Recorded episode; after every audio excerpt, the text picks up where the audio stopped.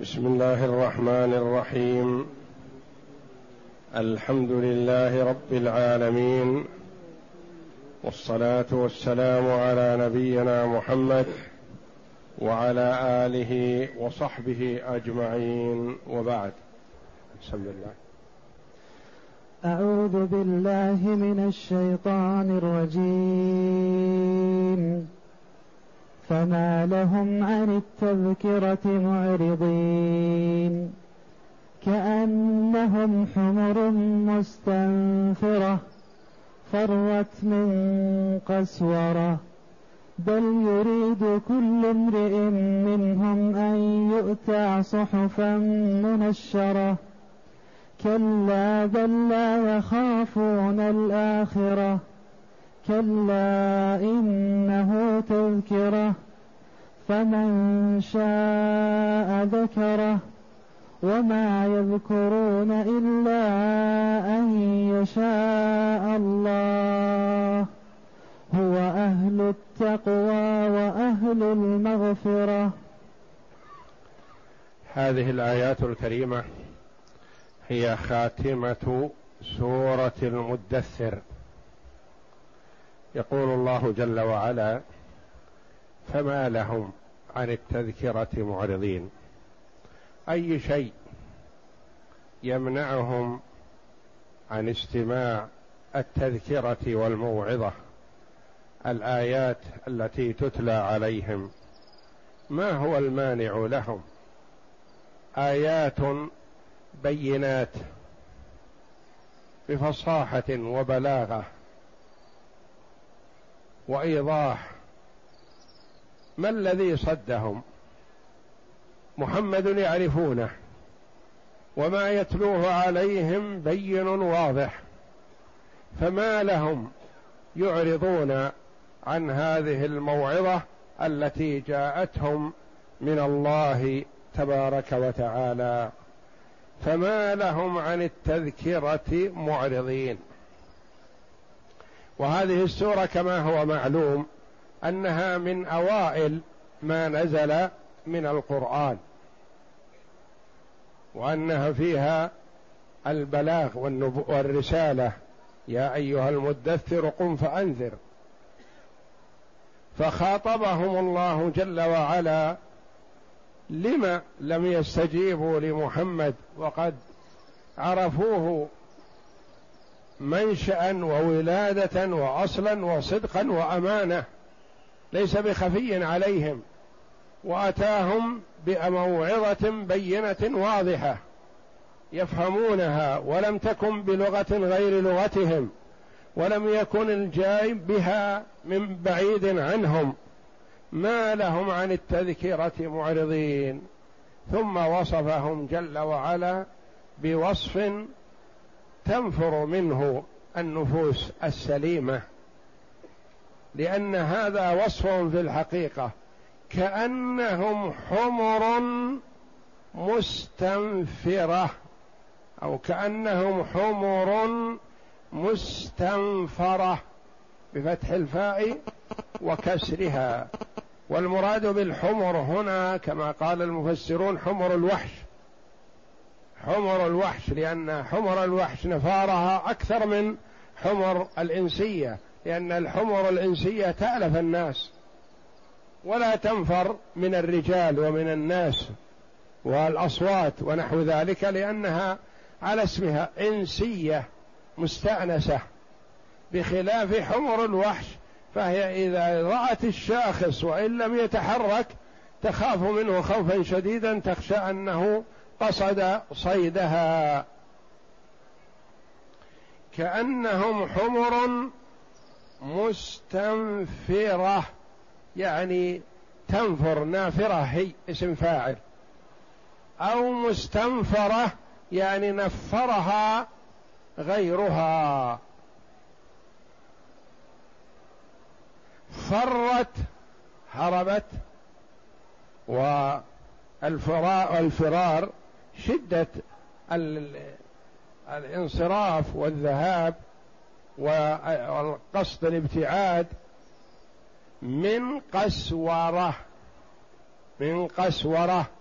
القسورة قيل هي الأسد لأن كلمة قسورة تطلق على الشيء الضخم المخاف منه وأكثر ما تخاف حمر الوحش من الأسود لأن الأسود تتسلط عليها وتأكلها فهي تهرب منها.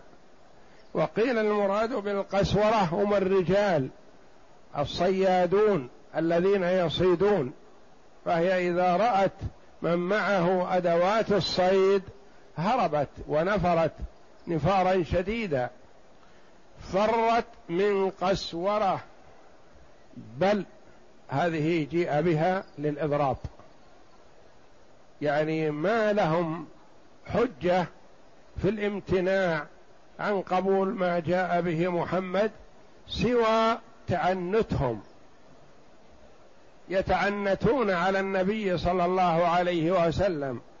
بل يريد كل امرئ منهم أن يؤتى صحفا منشرة. قالوا يا محمد إن كنت صادق في دعوتك لنا وأنك مرسل من قبل الله إذا استيقظ كل واحد منا من منامه يجد عند وسادته كتاب مفلول. الآن كتب تأتي به من الله يكتبه إلينا إلى فلان ابن فلان ويعطيه براءة من النار وبشارة بالجنة ونتبعك إذا جاءتنا هذه الكتب فنحن على استعداد أن نتبعك. ولا نريد كتب مكتوبة من زمان وإنما كتب منشرة يعني مفلولة منشورة توها الان كتبت ولا صفطت بعد ولا ثنيت بل هي على حالة بعد الكتابة مباشرة يعني تأتي بها من السماء من الله كتب لنا موجهة إلى كل واحد منا بأن محمد على حق وآمنوا به وهذه براءة لكم من النار وبشارة لكم بالجنة. وهذا منتهى التعنت. قال المفسرون رحمهم الله إن كفار قريش قالوا لمحمد صلى الله عليه وسلم ليصبح عند رأس كل رجل منا كتاب منشور من الله أن أنك لرسول الله. والصحف الكتب واحدتها صحيفة والمنشرة المنشورة المبسوطة المفتوحة أي غير مطوية أي طرية لم تطوى بل تأتينا وقت كتابتها. وهذا منتهى التعنت من كفار قريش.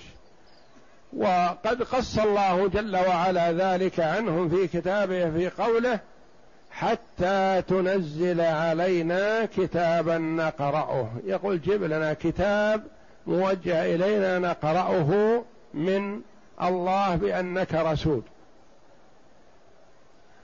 ثم إن الله جل وعلا زجرهم وردعهم عما قالوه بقوله تعالى كلا بل لا يخافون الآخرة.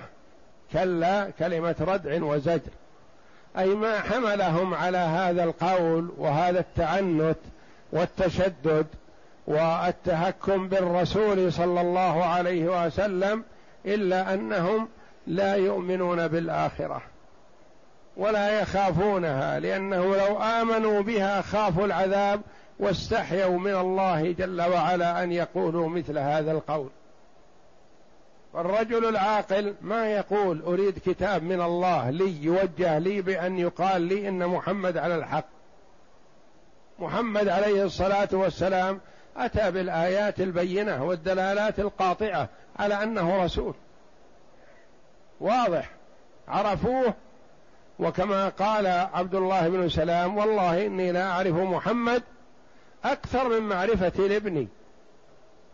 والله جل وعلا قال يعرفونه كما يعرفون أبناءهم. يقول أكثر من معرفتي لابني لأن محمد أخبرني عنه ربي بكتابه بالتوراة والقرآن. وابني ما أدري ما صنعت أمه. فهم يعرفونه حقيقة لكن هذا من باب التعنت والتشدد والتهكم بالنبي صلى الله عليه وسلم. كلا إنه تذكرة. اقرأ. يقول تعالى فما لهم عن التذكرة معرضين.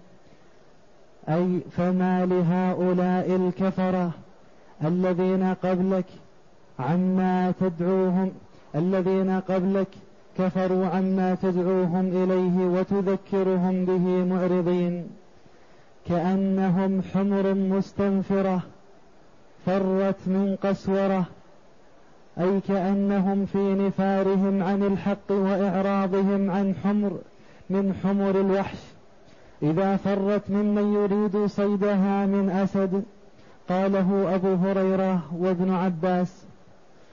وقال حماد بن سلمة عن علي بن زيد عن يوسف عن ابن عباس الأسد بالعربية ويقال بالحبشية قسورة وبالفارسية شير. بل يريد كل امرئ منهم أن يؤتى صحفا منشرة. بل يريد كل واحد من هؤلاء المشركين أن ينزل عليه كتابا كما أنزل الله على النبي صلى الله عليه وسلم. قاله مجاهد وغيره كقوله تعالى وإذا جاءتهم آية قالوا لن نؤمن حتى نؤتي مثل ما أوتي رسل الله. الله أعلم حيث يجعل رسالته. يريدون, يريدون أن يكونوا كلهم. يأتيهم من الله جل وعلا كتب تبين لهم أن محمدا على الحق. أي يريدون أن يؤتوا براءة بغير عمل؟ فقوله تعالى كلا بل لا يخافون الآخرة. أي إنما أفسدهم عدم إيمانهم بها وتكذيبهم بوقوعها. وقال تعالى كلا إنه تذكرة. القرآن العظيم هذا الذي لا يأتيه الباطل من بين يديه ولا من خلفه. تذكرة يكفي يكفي في الدلالة على صدق محمد صلى الله عليه وسلم ويكفي في البيان والإيضاح وتبليغ ما أراده الله جل وعلا. فهو أوضح آية على صدق محمد صلى الله عليه وسلم. وقد قال عليه الصلاة والسلام ما من نبي أرسله الله إلا واعطاهم ما على مثله آمن البشر من الآيات. أعطى الله جل وعلا الأنبياء والرسل آيات تدل على صدقهم. وقال عليه الصلاة والسلام وإنما الذي أوتيت وحي أوحاه الله إلي فهو أبلغ الآيات وأكملها وأتمها وأطولها اجلا لأن كل معجزة نبي من الأنبياء عليهم الصلاة والسلام تنتهي بنهاية النبي. بموت النبي تنتهي المعجزة يعني يكون المعجزة على يده فقط. عيسى عليه الصلاة والسلام يشفي الأكمه والأبرص ويحيي الموتى بإذن الله. وموسى عليه الصلاة والسلام أعطاه الله الآيات الدالة على صدقه اليد آه التي تتلألأ بيضاء والعصا الذي ينقلب كأنه أعظم دابة وحية تأكل ما حولها ثم تعود كما كانت بإذن الله. محمد صلى الله عليه وسلم معجزة باقية. ما ما انتهت بنهايته عليه الصلاة والسلام وبوفاته لأن الله جل وعلا أراد لهذا الدين البقاء والخلود إلى آخر الزمان إلى أن يرث الله الأرض ومن عليها. فهو بين أيدينا الآن والحمد لله كما نزل على محمد صلى الله عليه وسلم. وحفظه الله وجعله الآية العظمى الباقية المستمرة الخالدة. وقال عنه جل وعلا إن هذا القرآن يهدي للتي هي أقوم. وقال تعالى ولو كان من عند غير الله لوجدوا فيه اختلافا كثيرا. وغير ذلك من الآيات الدالة على صدق القرآن وأنه من الله تبارك وتعالى. وتحداهم الله جل وعلا بأن يأتوا بمثله فما استطاعوا. تحداهم أن يأتوا بعشر سور من مثله ما استطاعوا. تحداهم الله جل وعلا بأن يأتوا بسورة واحدة من مثله. وهم الفصحاء البلغاء الذي يميزون بين الكلام الحسن والكلام القبيح وعندهم القدرة في التفهم والإدراك. وهم أبلغ الناس لأن أبلغ العرب هم قريش. ولغتهم أفصح اللغات واللهجات. تحداهم الله ما استطاعوا لأنه ما يمكن لمخلوق أن يأتي بمثل كلام الخالق. فقال الله جل وعلا كلا إنه تذكرة. يتذكر به من تدبره وتأمله عرف صدقه. وصدق رسول الله صلى الله عليه وسلم بما دل عليه من الخير وبكونه كما وصفه النبي صلى الله عليه وسلم لا يخلق عن كثرة الرد. يعني سائر الكلام إذا رددته مرتين ثلاث أربع مللت منه. والقرآن العظيم تردده مدى الحياة وكلما قرأته بإذن الله تتلذذ به وتستفيد منه كأنك لأول مرة تقرأه. وهذه معجزة من معجزات القرآن. كلا إنه تذكرة أي القرآن. فمن شاء ذكره. من شاء تذكر بهذه الذكرى. يعمل عقله وفكره ويسأل الله التوفيق والهداية فيجد فيه الذكرى والموعظة. يتأمل كما قال الله جل وعلا أفلا يتدبرون القرآن؟ فيحتاج إلى تدبر والمتدبر له يجد فيه ما يشفي نفسه. فمن شاء ذكره يعني تذكر واتعظ به. ثم إن الله جل وعلا أتبع مشيئة العباد لمشيئته سبحانه. العبد له مشيئة لكنها تابعة لمشيئة الله تبارك وتعالى. والله جل وعلا خالق العباد وأفعالهم. والعبد لا يستطيع أن يهدي نفسه وإنما الذي يهديه ويوفقه هو الله. وعليه أن يسأل الله جل وعلا التوفيق والسداد بإخلاص وصدق والله جل وعلا يستجيب. فمن شاء ذكره وما يذكرون إلا أن يشاء الله. فأثبت للعبد مشيئة وجعلها تابعة لمشيئته سبحانه وتعالى. والناس في هذا طرفان ووسط. الناس في هذا طرفان ووسط. طرفان ضالان. وأهل السنة والجماعة وسط بين الطائفتين. أناس قالوا العبد يخلق فعله. وهو الذي المتصرف في نفسه التصرف الكامل. والله جل وعلا لا يعلم عن عبده في الهداية أو الضلالة إلا بفعله. إذا فعل الهداية فهو المهتدي والله يرضى عنه. وإذا فعل الشقاوة فهو الشقي والله لا يعلم عنه وإنما دعاه إلى هذا. ولا يعلم الله هل يستجيب أو لا يستجيب. تعالى الله عما يقولون. ففي هذا نفي العلم عن الله تبارك وتعالى. الطائفة الأخرى قالوا العبد مسخر ولا خيار له فهو يسير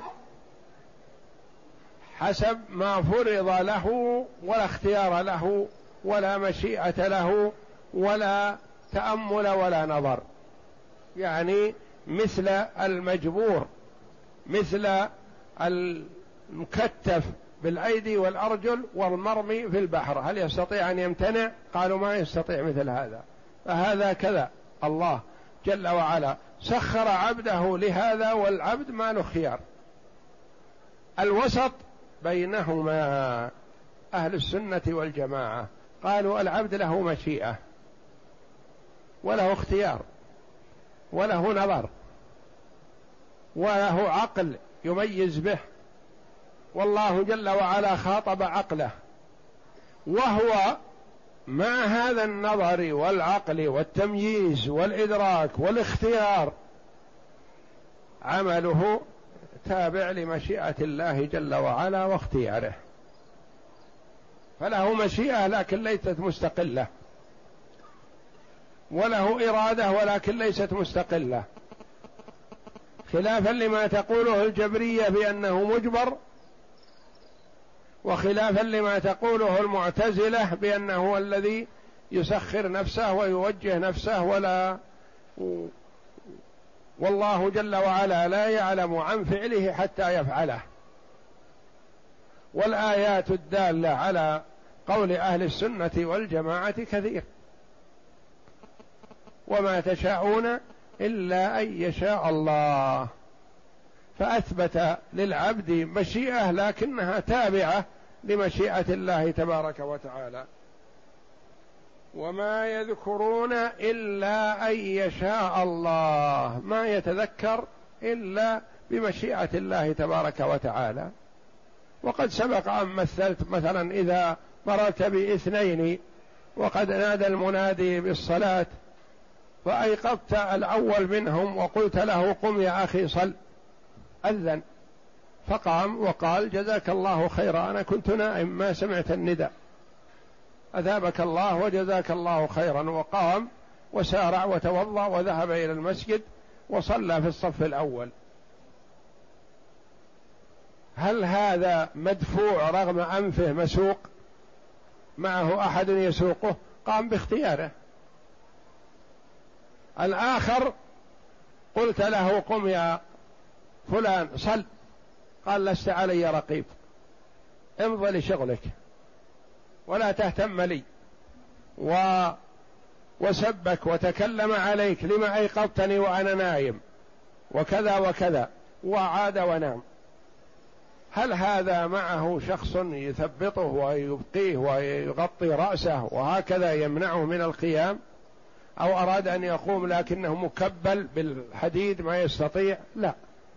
هذاك باختياره قام وهذا باختياره أبى ومشيئته. والكل يعلم الله جل وعلا ازلا أن هذا يستجيب لنداء الله فيؤمن. ويعلم جل وعلا ازلا أن هذا لا يستجيب فلا يهتدي ولا يعمل الصالحات. ولذا قال جل وعلا فمن شاء ذكره. أثبت له المشيئة والاختيار. وقال وما يذكرون إلا أن يشاء الله. ما أحد يستطيع أن يهدي نفسه لكن عليه أن يسأل الله الهداية. هو أهل التقوى. هو جل وعلا أهل أن يتقى. ويبتعد عن مساخطه. أهل لأن يحرس على طاعته. وأهل التقوى فلا يشرك معه غيره.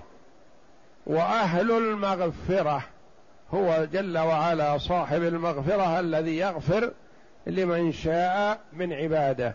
فالعبد إذا اتقى الله جل وعلا غفر الله له ووفقه وهداه. فعن انس رضي الله عنه ان رسول الله صلى الله عليه وسلم قرأ هذه الآية فقال قال ربكم أنا أهل أن أتقى فلا يجعل معي إله فمن اتقاني فلم يجعل معي إلها فأنا أهل أن أغفر له. أخرجه الإمام أحمد والدارمي والترمذي وحسنه والنسائي وابن ماجه والبزار وأبو يعلى وابن جرير وابن المنذر وابن أبي حاتم وابن عدي وصححه وابن مردويه. والله أعلم. كلا إنه تذكرة أي حقا أن القرآن تذكرة فمن شاء ذكره. وما يذكرون إلا أن يشاء الله كقوله وما تشاءون إلا أن يشاء الله هو أهل التقوى وأهل المغفرة أي هو أهل أن يخاف منه وهو أهل أن يغفر ذنب من تاب إليه وأناب قال الإمام أحمد عن أنس بن مالك رضي الله عنه قال قرأ رسول الله صلى الله عليه وسلم هذه الآية هو أهل التقوى وأهل المغفرة.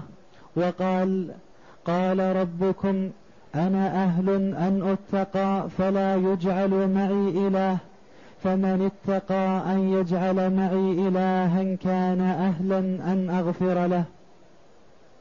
والله أعلم وصلى الله وسلم وبارك على عبده ورسول نبينا محمد وعلى آله وصحبه أجمعين.